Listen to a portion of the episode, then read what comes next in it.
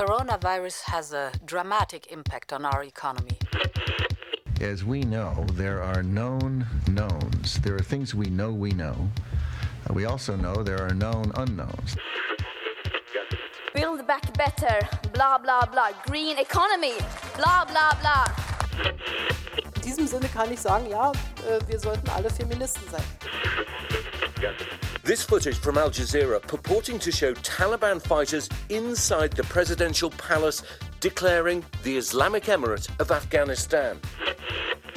I have a peculiar medical condition, which is that I don't sweat. I think it's a filter. It, And the- it is, and I don't know how to remove it. Not, I'm not a cat.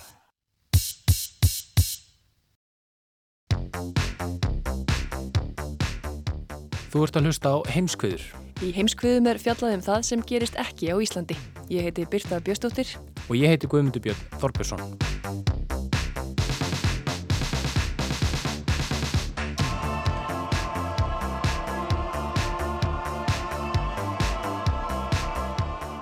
Eða Guðmundur Björn, nýr þáttur og ný umfyllunarefni.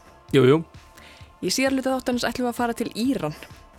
En við ætlum að byrja á því að fjalla um afleðingar stríðsins í Úkrænu. já, því þar sem er stríð, þar er kynferðislegu ofbeldi sömulegis beitt.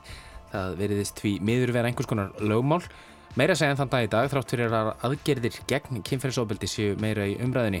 Hluti af hjálparstarfi vegna stríðsins í Úkrænu miðar engungu að því að hjálpa konum á flotta undan mögulegu mannsali, vændi eða öðru kynferðisofbeldi og alveg ljóst að ekki er vanþörf á. Leit af úkrænskum konum í kynferðislegum tilgangi á netinu jógst um 200 til 600% strax eftir innrás rúsa í Úkrænu.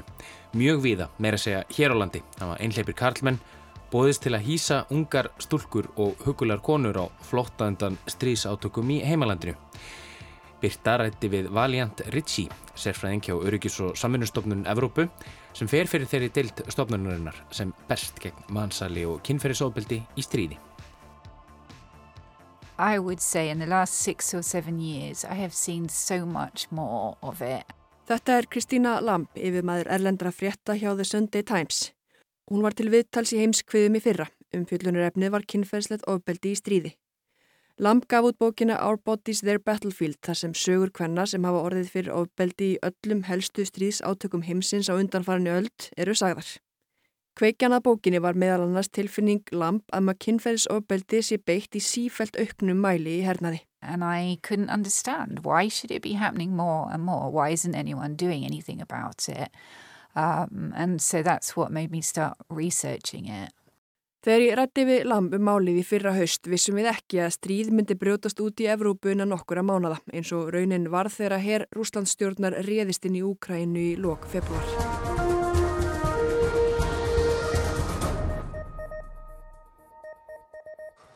Góðan dag, við sendum út þennan auka fréttatíma vegna innrásar rússa í Úkrænu.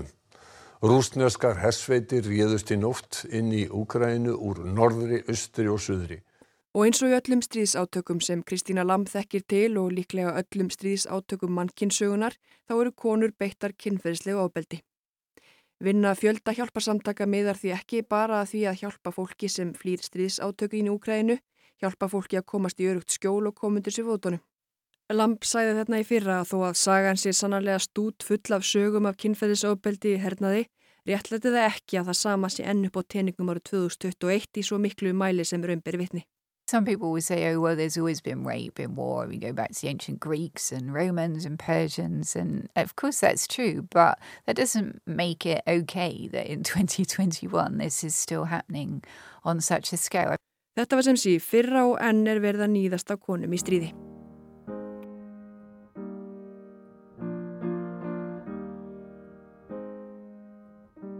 Meðal þeirra sem hafa þessi mál á sinni könnu er Öryggis og samfunnustofnun Evrópu, ÖSE. Þetta er alþjóðastofnun, 57 ríki í Evrópu og Asíu eiga aðildastofnuninni á samt bandaríkjónum. Stofnunin var sett á laginnar árið 1973 og helsta markmið hennar er að reyna að koma í veg fyrir átök, að leggjast á áruna þegar neyðar ástand ríkir og hjálpa til við endur uppbyggingu á átakasvæðum eftir eða á meðan á stríðsátökum stendur. Og þar á bæ starfar maður nafni Valiant Ritchie. I'm the OSCE Special Representative and Coordinator for Combating Trafficking in Human Beings. Já, Ritchie er sem sagt sérstakur fulltrúi og einnig verkefnastjóri yfir baróttu stopnurinnar gegn mannsæli í öllum 57 löndunum innan ösi. And what that means is that my team and I support the 57 OSCE countries in their efforts to combat trafficking. Valiant segir að líkt og flestir aðrir hafi starfsfólkstofnunarinnar ekki reiknað með stríðsátökum í Evrópu á þessu ári eins og síðar var raunin. Hann segir þau þó hafa geta bröðist skjótt við og byggi þá að fyrir reynslu úr aðstæðum sem þessum. And one example is the migration crisis in 2015 and 16, but another example was the COVID pandemic crisis uh, that started in 2020. So we have some experience on large movements of people, the risks that they're exposed to, and um, the measures that should be taken to prevent their exploitation. Flóttamannaströymurinn árin 2015 og 2016 og yfirreið korunveru faraldur sinn sem hófst árið 2020 hafi hvort tveggja kent þeim hjá öryggis og samvinnustofnunni sitt lítið að hverju um hvernig sé best að bræðast við fólki á flótta. Hvernig eigi að koma í veg fyrir að fólk á flótta verði enn berskjaldar en ella og aðgerði gegn þeim sem vilja nýta sér neyð þeirra sem þurfa að flýja heimili sín.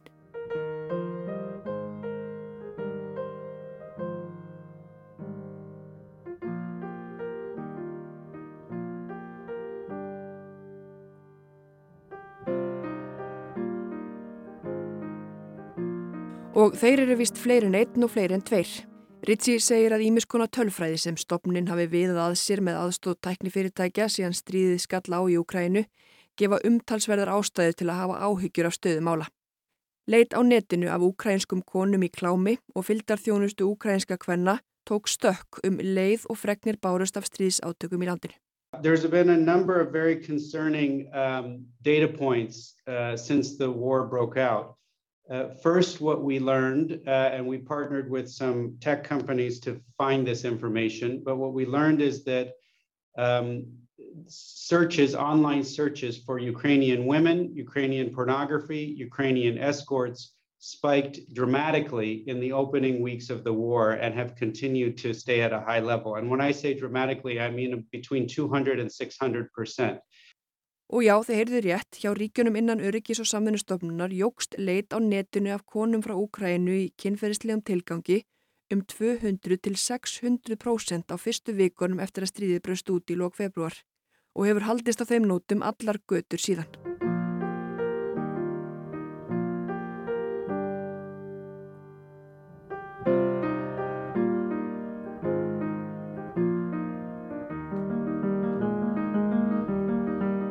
Ritchie segir það verulegt áhyggjuefni að finna fyrir þessum gríðar mikla áhuga á konum í viðkamli stöðu í kynferðislegum tilgangi.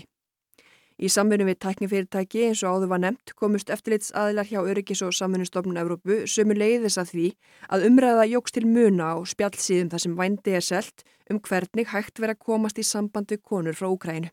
Uh, that there were um, uh, there there was a lot of talk online. For example, in online platforms where sex buyers go, uh, brothels, sexual service websites, promoting the idea of gaining access to Ukrainian women, uh, and um, that again creates a concern for us.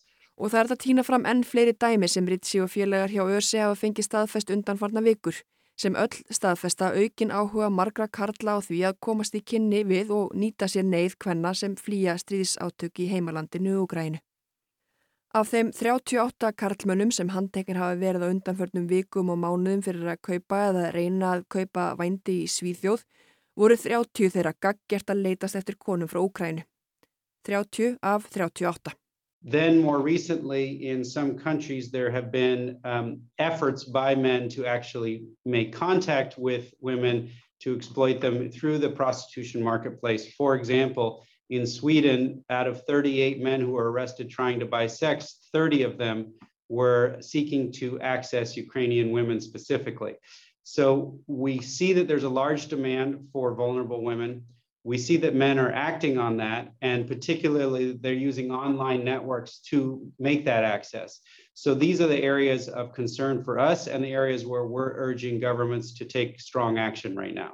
Eftirspurnin eftir berskjölduðum konum er mikil. Margir menn leitast eftir að nýta sér stöðu þeirra og flestir þeirra nýta netið til að reyna að svala þessum fýstum sínum.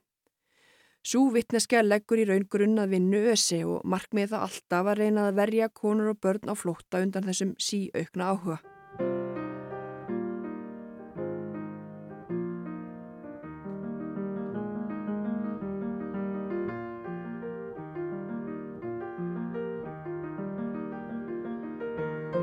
Um 6 miljónir hafa flúið frá Úkrænu frá því að stríðið braust út.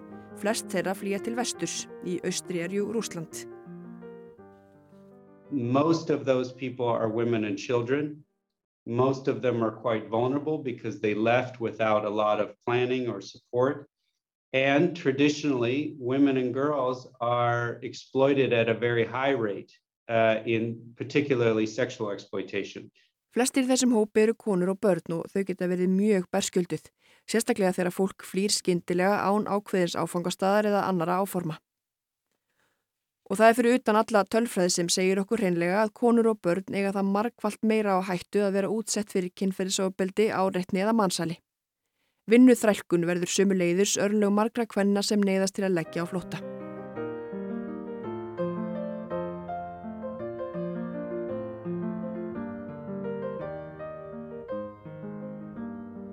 Verkefni Ritsi og félaga er því að veita löndum sem fólkið flýr til ráðgjöf, leiðsögn og aðstóði því að koma auga á hættur við mannsal. Og það er víða sem rauð flöggaru dregin að húnni. Meira segja hér á landi. Gilvi Þór Þorstinsson er aðgerðastjóri teimisinn sem heldur utanum móttöku flóttafólks frá Úkræni til Íslands. Hann sagðist í viðtali á dögunum hafa fengið fjölda símtala og skilabúða frá fólki sem vil rétta flóttafólki hjálparhönd með einhverju móti. Meðal annars með því að bjóða húsnaði til afnóta. Inn á milli hjálpsamra einstaklinga leynast svo þeir sem vilja annarkvort fá eitthvað fyrir sín snúð eða er einfallega með önnur áformin að hjálpa bara. Þannig hafi Gilvi Þór fengið skilabóð frá manni sem var tilbúin að hýsa einhleipa konu yngri en 35 ára og ekki væri verra ef hún kynni að dansa salsa. Þá hefði annar sendt skilabóð um að þremur einstæðum konum með í mestalagi tvö börn á mann stæði íbúð til bóða gegn því að vinna í 6-8 klukkustundir á dag.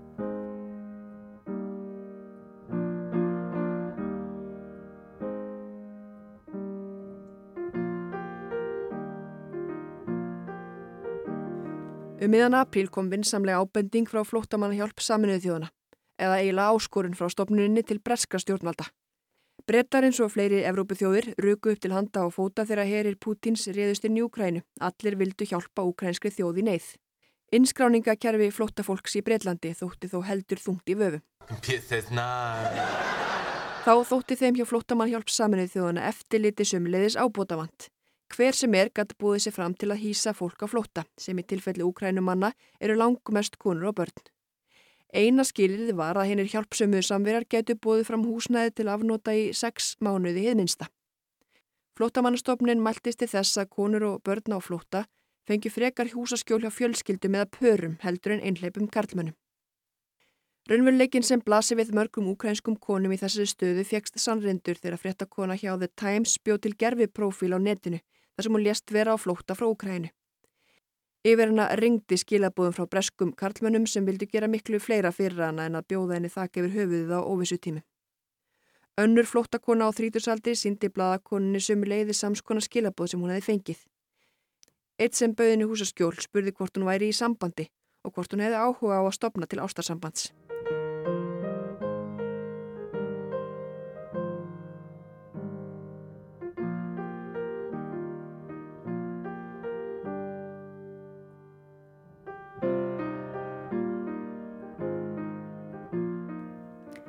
Aðferðafræði þeirra sem herja á konur og flóta hefur breyst í tímansrás. Vændi og mannsal fer mjög mikið fram á netinu sem þýðir að þau sem berjast gegn því verða sömu leiðis að breyta um aðferðafræði. Ekki dögar að hanga á götuhotnum til að reyna að hafa hendur í hári glæbamannana, heldur þarf að vakta netið betur. Og þar þarf sömu leiðis að standa fyrir herrferðum og vitundavakningu um álaflokkin, segir Ritsi. Teknin er tví ekki að sverði þessu eins og kannski öðru. Það getur verið einfaldara fyrir lögreglu og aðra eftirlitsaðila að hafa yfirsýn og rannsaka svona mál á netinu. En aftur á móti er neti líka eins og himnasending fyrir þá sem stunda mannsal. Online is very useful for exploiters because it allows them to expand their marketplace. if I am a trafficker and I have a young girl who I'm exploiting and I go on the street, I might see five or six clients, possible clients a night, right? Somebody driving by who wants to access um, this girl. But if I go online, I can present this person to hundreds, if not thousands of people. And this allows me to increase my market to, to reach more buyers. Um, on the flip side, law enforcement now knows where to go. It's very easy to see this market if you go online, if you start searching for these websites. And so law enforcement knows where to, to target. Ritsi tekur þarna dæmi um mann sem gerir unga konu út í vændi. Ef hann falbýður hann á götuhotni hittir hann kannski á 5-6 mögulega kaupendur á einu kvöldi. Ef hann eins vegar reynir að selja aðgangaðin á netinu fjölgar í mögulegum hópi viðskiptavina svo um munar og hundruður, jafnvel þúsundir geta reynd að kaupa aðganga konni. Sem fyrir segir byggja Ritsi og félagar á reynslu frá fyrri árum þegar mikill fjöldi fólk séu verið á flóta. Hann segir starfið í eðlisinu verða sama nú í aðstóði fólk frá Ukrænu og það var þegar fólk flýði Sýrlandi stríðum ströymum. Stæsti munurinn sé þó áhugju stjórnvalda, almennings og fjölmiðla á aðstæðin flóttafólksins nú. Hann sé umtalsett meiri nú en hann var fyrir nokkrum árum þegar stríðið í Sýrlandi stóð sem hæst. What is different here, and this is actually a positive, is that the response of the public, of media, of governments to the possible risks of exploitation has been excellent. There is more awareness around the possible risks of, of trafficking in this particular um, incident, in this particular war, than I've ever seen before. Það sé ekki bara vegna þess að fólki virðist koma fólk frá Úkrænu sér oft meira við en fólk frá Sýrlandi. Vitundavakning hafi orðið undan farin árum mannsal og kynferðsofbeldi, bæði í stríði og almennt. Og þá er fristandi að spurja Ritsi hvort MeToo baráttun hafi skilað sér inn í umræðu og baráttuna gegn kynferðisgleipum í stríði. Yes and no. I think that it has allowed um, for uh, an opportunity for women to raise issues of sexual harassment, of sexual violence in a way that wasn't really possible before. And I think this is fantastic. Um, on the other hand, the um, commercial sexual exploitation of women through the prostitution marketplace or through trafficking um, has not been a strong piece of the Me Too movement, unfortunately, which means that we often talk about um, uh, gender equality in the workplace, but we don't talk about it with regard to poor women and girls who are being exploited in prostitution. And that's a real problem. I think we need to make sure that all women and girls are protected, not just those who happen to be in a more um, formal work environment. Ritsi segir MeToo hreyfinguna sannarlega hafa gert fjölmörgum konum auðveldar að tala um ofbeldi og misrétti. Það sé sannarlega vel. Hins vegar hafi rött hvenna sem neittar eru í vændi eða seldar mannsali ekki fengið sérlega mikið plássi fyrir MeToo-bylgjum. Ritsi segir að það sé ekki nóg að stuðla að jafnbrytti á hefðbundum vinnustöðum til að mynda. Það vantir sárlega inn í alla þessa umræður allir fátakra hvenna sem eru fastar í vændi og öðru mannsali. Jafnbrytti geti ekki bara átt við um samfélagslega viðurkenda vinnustöði.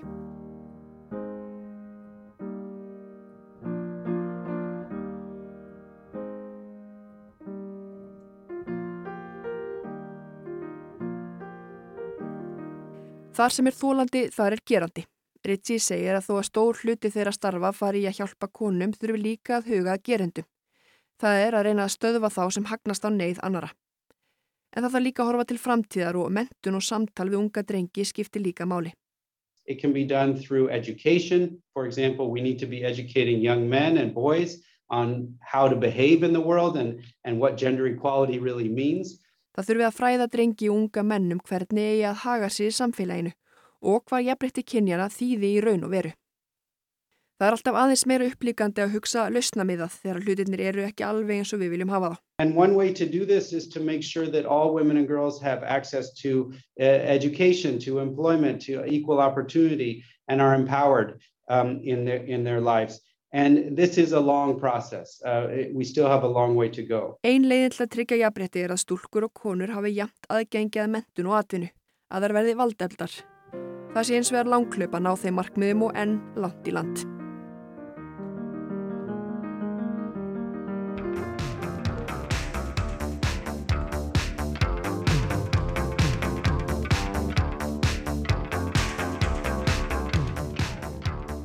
Og þá höldum við til Íran.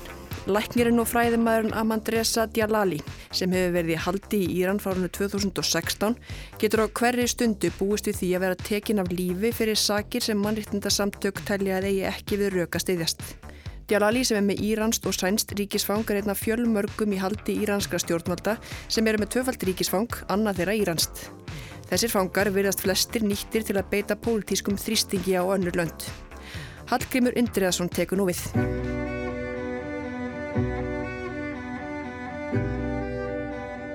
Íranskur fjölmiðil tilkynnti í síðustu viku að dauðadómi sem hveðin var uppi við lækninum og vísindamanninum Ahmad Reza Jalali verði framfyllt eigi síðar en 21. mæ.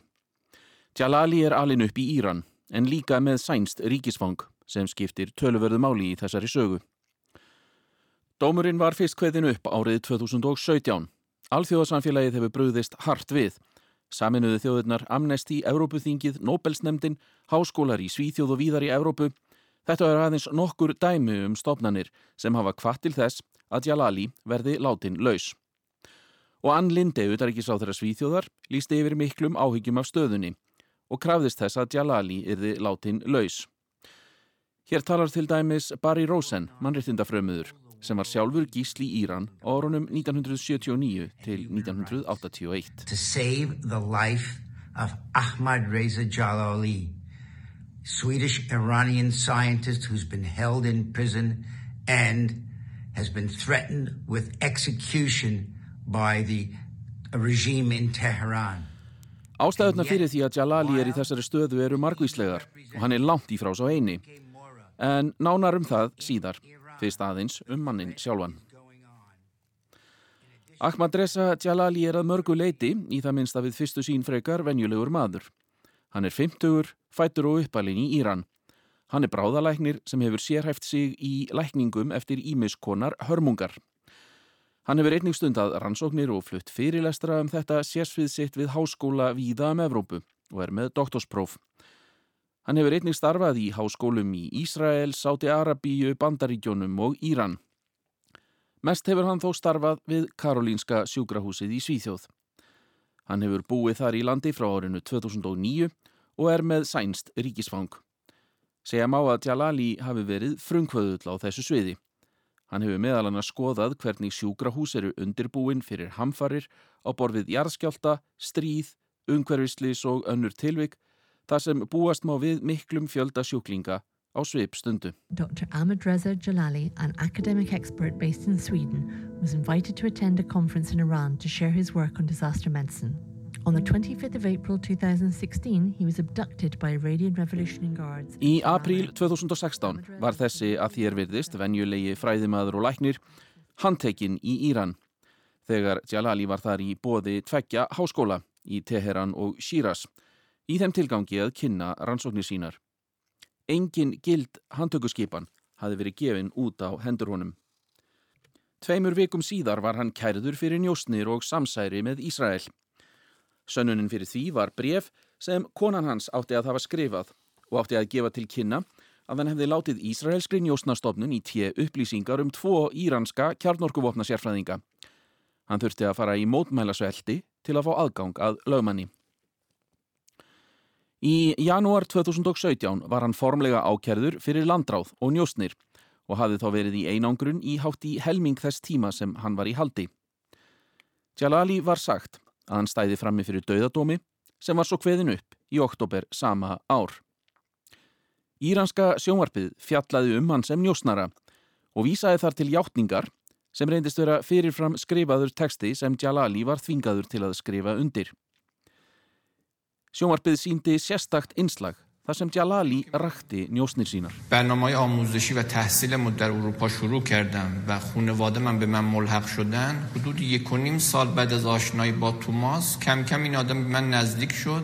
Þarna segir Djalali að maður sem kallaði sig Tómas hafi komist í kynni við sig og fengið sig til að vinna fyrir hann með því að afhenda honum upplýsingar og gögn.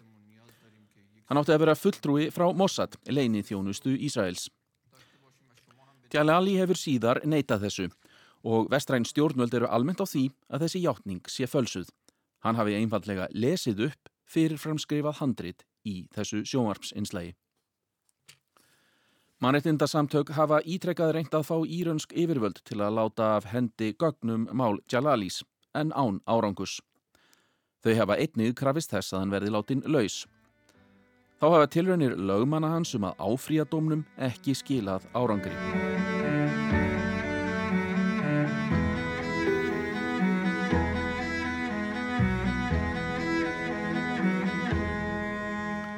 Í november 2020 tilkynntu yfirvöld að Jalali erði tekin af lífi innan viku. Það var ekki gert. Hann var reyndar í einangrunn í sex mánuði og gatt þá verið tekin af lífi á hverri stundu, en var síðan fluttur í almennt fangelsi. Ekki er vitað hvort frestunin á aftökunni hafi verið vegna þrýstings frá mannréttindasamtökum eða af öðrum ástæðum. Hann þurfti hins vegar að vera í einangrunn í fimm mánuði og það er brot á mannréttinda sáttmála saminuðu þjóðana. Jalali hefur sjálfur sagt að hann hafi verið pintaður og honum hótað í fangelsinu. Móður hans greindi frá því að einangrunarklefi hans hefði verið fullur af kakkalökkum og maurum. Hann hefði verið svívirtur og auðmíktur í yfirheyslum og oft verið bundið fyrir augun á honum. Og til að fá hann til að skrifa undir falskar hjáttningar hafi honum verið hótað að börnin hans í Svíþjóð yrðu drepin. Þá hefur heilsu hans líka rakað. Hann fór í aðgerð við kviðsliti árið 2018 en var sendur aftur í fangelsið tveimur dögum eftir þá aðgerð, gegn læknisráði. Þá leiti rannsókn í ljós að hvít blóðkorn voru óeðlilega fá hjá honum. Hún var hins vegar neitaðum frekari lækningsskoðun þrátt fyrir ráðleggingar um slíkt. Það að hafa reglulega séð sig tilneitan til að fara í mótmælasvelti hefur líka haft áhrif á heilsufar hans. Og vandamálin eru reyndar fleiri eins og hann útskýði sjálfur í viðtali í november 2020. Currently I suffer from gastritis, peptic ulcer, gallbladder stones, liver, liver dysfunction, low count of blood cells. Nú er ég með meldingatröflanir, magasár, gallsteina, slæma lifur, látt hlutfall, kvítra blóðkortna og fleira. Þá hef ég líka þjást af þunglindi, kvíða og öðrum andlegum kvillum, segir Jalali. En hver er ástæðan fyrir því að Jalali setur inni? Það eru margar og floknar og er bæði að leita í stefnu yfirvalda í Íran en líka annar staðar markam á baróttu samtök. Mannettindarsamtökin Íran Human Rights sem eru með höfðustöðar í Noregi en starfa víðar um heim hafa látið þetta mál sig varða. Að þeirra sög er þetta viðbrað við réttarhöldum yfir Írananum Hamid Nouri í Svíþjóð. He's accused of grave war crimes and murder. Now the prosecutor claims that Nouri took part in mass executions and torture at the Gohardasht prison in 1988. Nouri var handekinn á flugvellinum í Stokkólmi á grundvelli alþjóðalega, grunaðurum að eiga þátt í aftökum um 5.000 pólitískra fanga í Íran árið 1988. Hann hefur verið ákerður fyrir stríðsklæpi og mannrettindabrót og er dóms yfir honum að vænta um miðjan júli. Ef hann verður dæmdur segur, á hann yfir höfði sér lífstíðar fangelsi. Reyndar er núverandi fósetti Írans, Ebrahim Raisi, líka talinn eiga þátt í þessum aftökum, en hann kemur aðeins meira við sögu síðar í þessum pisli. Þessi réttarhöldmörkuðu tímamót því að þetta er í fyrsta sinn sem íranskur embættismadur er saksóttur fyrir glæpi gegn mannkininu utan Írans. Íransk stjórnvöld hafa vísað á bög að nokkur tengsl séu á milli þessa máls og máls Jalalis. Til dæmis standi ekki til að bjóða einhvers konar fangaskipti. Þegar fregnundan bárust af því að til stæði að framfylgja dauðadómnum yfir Jalali lísti Anlinde strax yfir miklum áhyggjum af fregnunum og voru kröfur um að Jalali erði látin laus ítrekkaðar. Fyrir skömmu var sænskur ferðamæður handekinn þegar hann var að yfirgefa Íran á samt fleiri ferðamönnum og staðan er nú orðin slík að sænsk yfirvöld ráða þegnum sínum frá því að ferðast til Íran. Samtökin Íran Human Rights telja þetta enn eina sönnum þess að þeir séu að taka fólk með tvöfalt ríkisfang í gíslingu til að fá vilja sínum framgengt.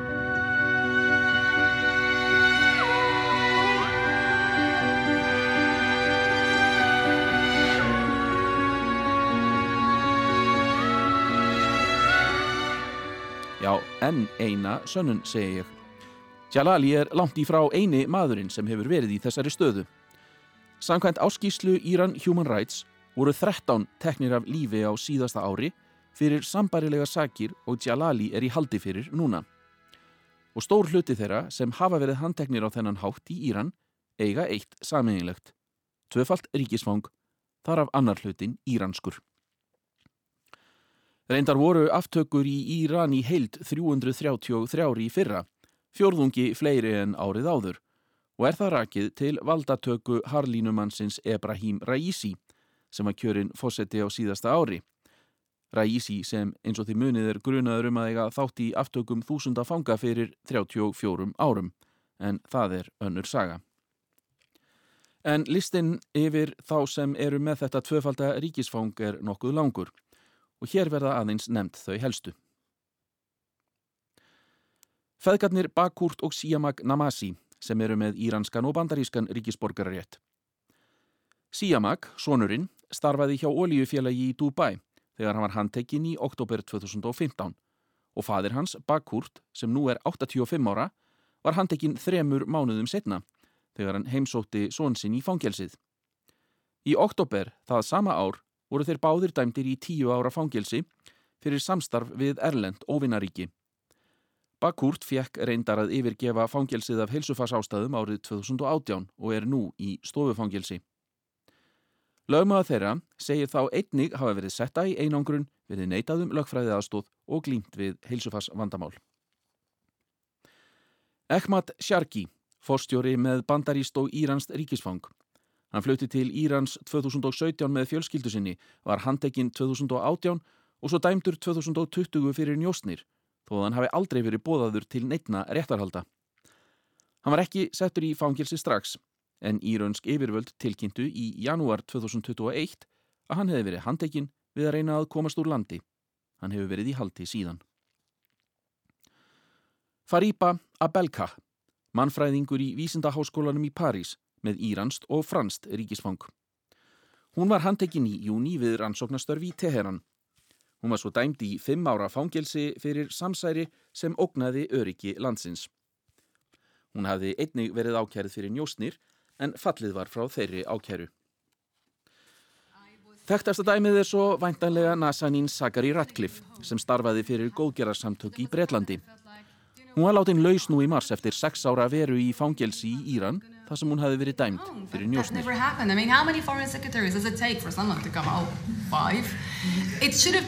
mean. So now here we are. What's happened now should have happened six years ago. Hún sagði á bladamannafundi að margóft hefði verið sagt við sig að nú kæmist hún heim. Það hefði aldrei gæst þó að fimm manns hefðu gengt ennbætti utaríkisáþurra á þeim tíma sem hún satt inni. Það sem gerðist núna hefði átt að gerast fyrir sex árum, saði Sagari Ratcliffe.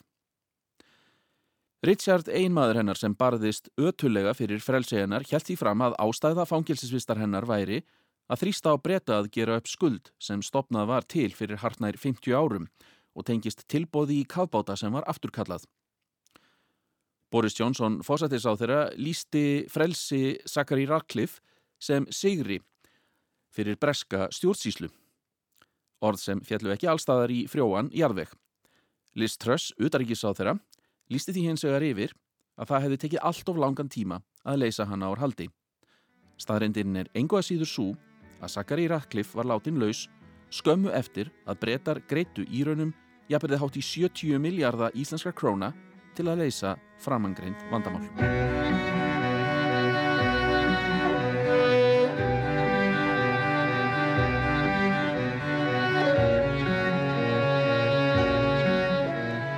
Í grunninn er ástæðan fyrir þessum handtökum að Íranar viðurkenna ekki tvöfalt ríkisfang. Litið er á þá sem skráðir eru með slíkt ríkisfang sem Írani. Það þýðir til dæmis að þeirri veita erlendum sendifulltrúum ekki heimild til að heimsækja þá. Stjórnvöld annara landa hafa ítrekkað gaggrínt þetta og krafið íransk stjórnvöldum að breyta þessari stefnu en án árangus.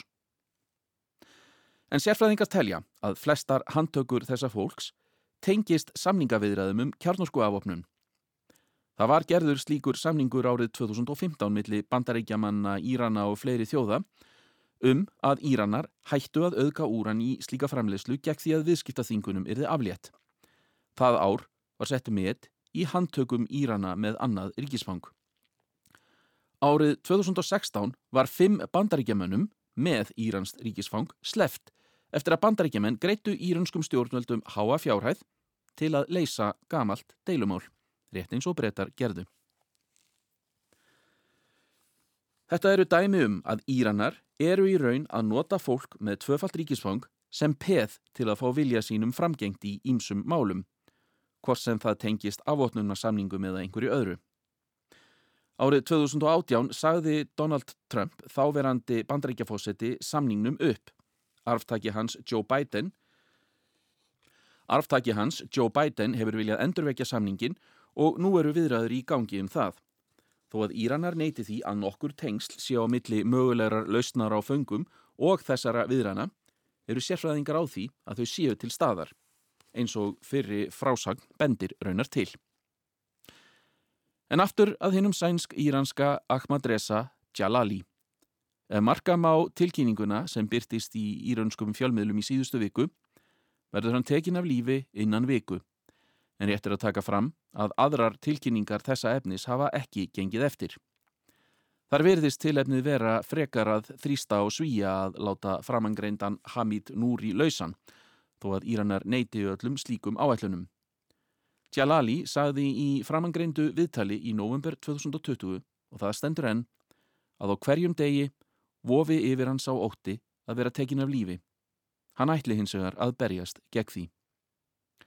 Sónur minn telur dagana þánga til hann færa að hitta mig og ég verð að gera það sem ég get til að komast aftur heim, segir Jalali. I have decided to sustain and fight with this catastrophe.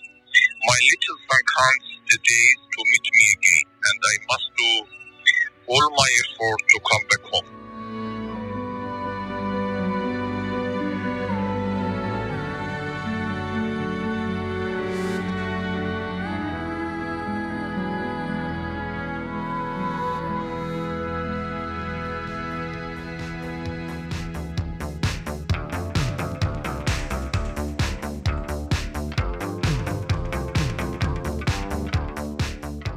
Þetta verða loka orðin í heimskuðum þessa vikuna. Við verðum hér aftur á sama tíma í næstu viku. Takk fyrir að hlusta.